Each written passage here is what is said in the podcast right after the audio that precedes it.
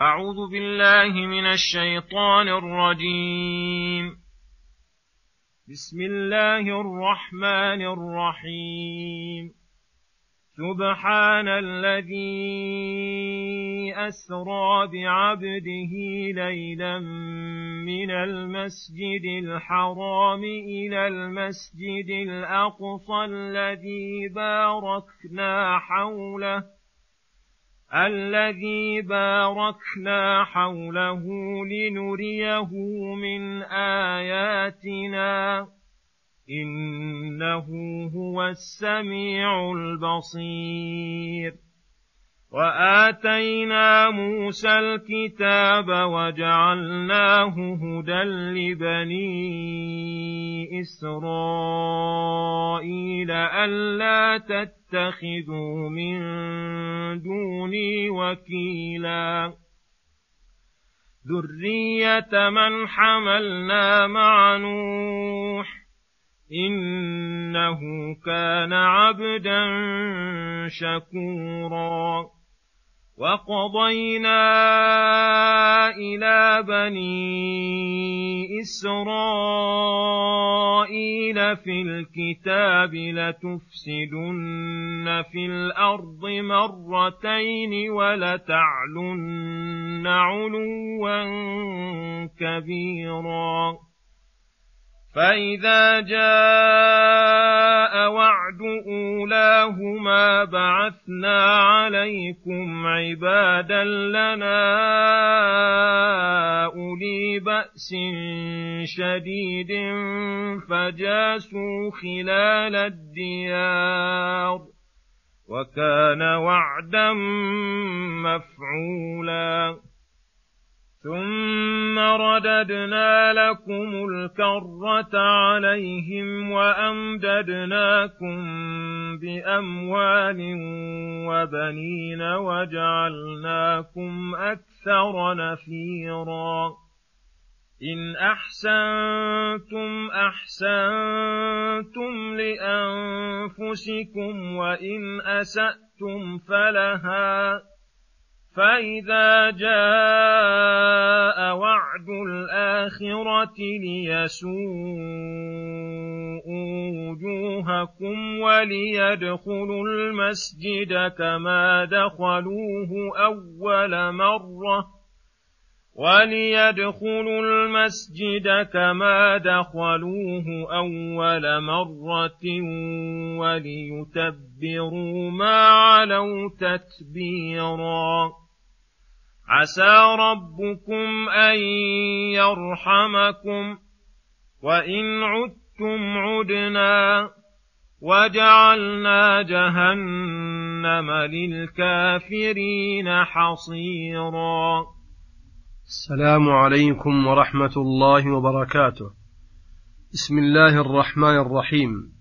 ينزه تعالى نفسه المقدسة ويعظمها لأن له الأفعال العظيمة والمنن الجسيمة التي من جملتها أنه أسرى بعبده ورسوله محمد صلى الله عليه وسلم ليلا من المسجد الحرام الذي هو أجل المساجد على الإطلاق إلى المسجد الأقصى الذي هو من المساجد الفاضلة وهو محل الأنبياء.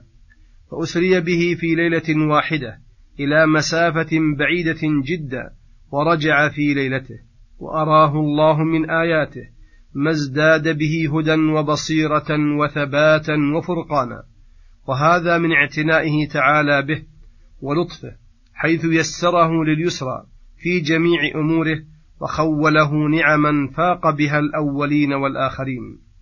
وظاهر الآية أن الإسراء كان في أول الليل وأنه من نفس المسجد الحرام لكن ثبت في الصحيح أنه أسري به من بيت أم هانئ فعلى هذا تكون الفضيلة في المسجد الحرام لسائر الحرم. فكله تضاعف فيه العبادة كتضاعفها في نفس المسجد وأن الإسراء بروحه وجسده معا وإلا لم يكن في ذلك آية كبرى ومنقبة عظيمة.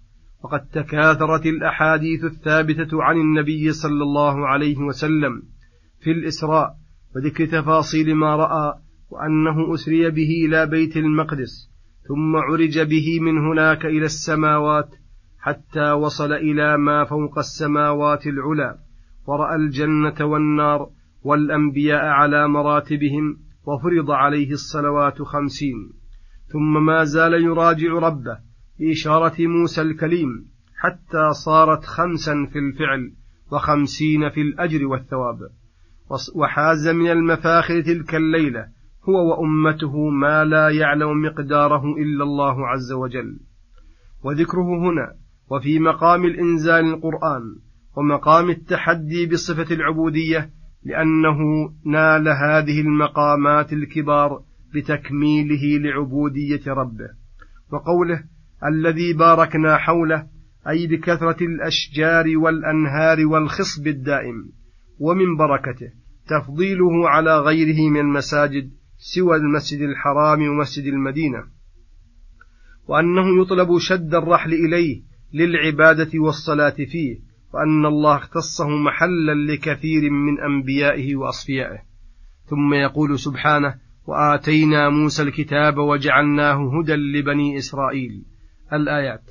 كثيرا ما يقرن الباري بين نبوة محمد صلى الله عليه وسلم ونبوة موسى صلى الله عليه وسلم وبين كتابيهما وشريعتيهما لأن كتابيهما أفضل الكتب وشريعتيهما أكمل الشرائع ونبوتيهما أعلى النبوات وأتباعهما أكثر المؤمنين. ولهذا قال هنا وآتينا موسى الكتاب الذي هو التوراة وجعلناه هدى لبني إسرائيل يهتدون به في ظلمات الجهل إلى العلم بالحق ألا تتخذوا من دوني وكيلا أي وقلنا لهم ذلك وأنزلنا إليهم الكتاب لذلك ليعبدوا الله وحده وينيبوا إليه ويتخذوه وحده وكيلا ومدبرا لهم في أمر دينهم ودنياهم ولا يتعلقوا بغيره من المخلوقين الذين لا يملكون شيئا ولا ينفعونهم بشيء.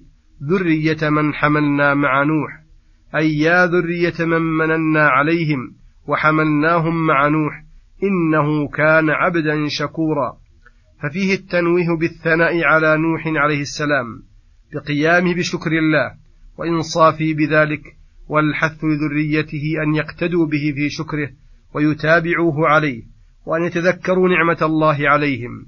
إذ أبقاهم واستخلفهم في الأرض وأغرق غيرهم.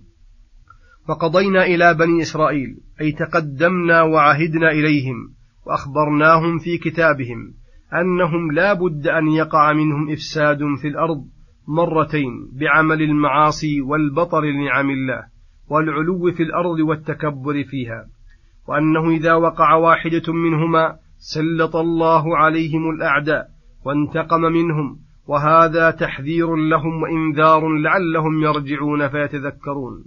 فإذا جاء وعد أولاهما أي أولى المرتين اللتين يفسدون فيهما أي إذا وقع منهم ذلك الفساد بعثنا عليكم بعثا قدريا وسلطنا عليكم تسليطا كونيا جزائيا. عبادا لنا أولي بأس شديد أي ذوي شجاعة وعدد وعدة فنصرهم الله عليكم. فقتلوكم وسبوا أولادكم ونهبوا أموالكم فجاسوا خلال الديار وهتكوا الدور ودخلوا المسجد الحرام وأفسدوه. وكان وعدا مفعولا لا بد من وقوعه لوجود سببه منهم. واختلف المفسرون في تعيين هؤلاء المسلطين إلا أنهم اتفقوا على أنهم قوم كفار إما من أهل العراق أو الجزيرة أو غيرها سلطهم الله على بني إسرائيل لما كثرت فيهم المعاصي وتركوا كثيرا من شريعتهم وطغوا في الأرض. ثم رددنا لكم الكرة عليهم. أي على هؤلاء الذين سلطوا عليكم فأجل فأجليتموهم من دياركم. وأمددناكم بأموال وبنين أي أكثرنا أرزاقكم وكثرناكم وقويناكم عليهم. وجعلناكم أكثر نفيرا منهم وذلك بسبب إحسانكم وخضوعكم لله. وإن أحسنتم أحسنتم لأنفسكم لأن النفع عائد إليكم حتى في الدنيا كما شاهدتم من انتصاركم على أعدائكم. وإن أسأتم فلها أي فلأنفسكم يعود الضرر كما أراكم الله من تسليط الأعداء. فإذا جاء وعد الآخرة أي المرة الأخرى التي تفسدون فيها في الأرض سلطنا عليكم الأعداء ليسوءوا وجوهكم بانتصارهم عليكم وسبيكم. وليدخلوا المسجد كما دخلوه أول مرة والمراد بالمسجد مسجد بيت المقدس. وليتبروا أي يخربوا ويدمروا ما علوا عليه تتبيرا فيخربوا بيوتكم ومساجدكم وحروثكم. عسى ربكم أن يرحمكم فيديل لكم الكرة عليهم فرحمهم الله وجعل لهم الدولة وتوعدهم على المعاصي فقال وإن عدتم إلى الإفساد في الأرض عدنا إلى عقوبتكم فعادوا لذلك فسلط الله عليهم رسوله محمدا صلى الله عليه وسلم فانتقم الله به منهم فهذا جزاء الدنيا وما عند الله من النكال أعظم وأشنع ولهذا قال وجعلنا جهنم للكافرين حصيرا يصلونها ويلازمونها لا يخرجون منها أبدا وفي هذه الآيات التحذير لهذه الأمة من العمل بالمعاصي لئلا يصيبهم ما أصاب بني إسرائيل. فسنة الله واحدة لا تبدل ولا تغير. ومن نظر إلى تسليط الكفرة والظلمة على المسلمين عرف أن ذلك من أجل ذنوبهم عقوبة لهم وأنهم إذا أقاموا كتاب الله وسنة رسوله صلى الله عليه وسلم مكن لهم في الأرض ونصرهم على أعدائهم. وصلى الله وسلم على نبينا محمد وعلى آله وصحبه أجمعين. وإلى الحلقة القادمة غدا إن شاء الله. والسلام عليكم ورحمة الله وبركاته.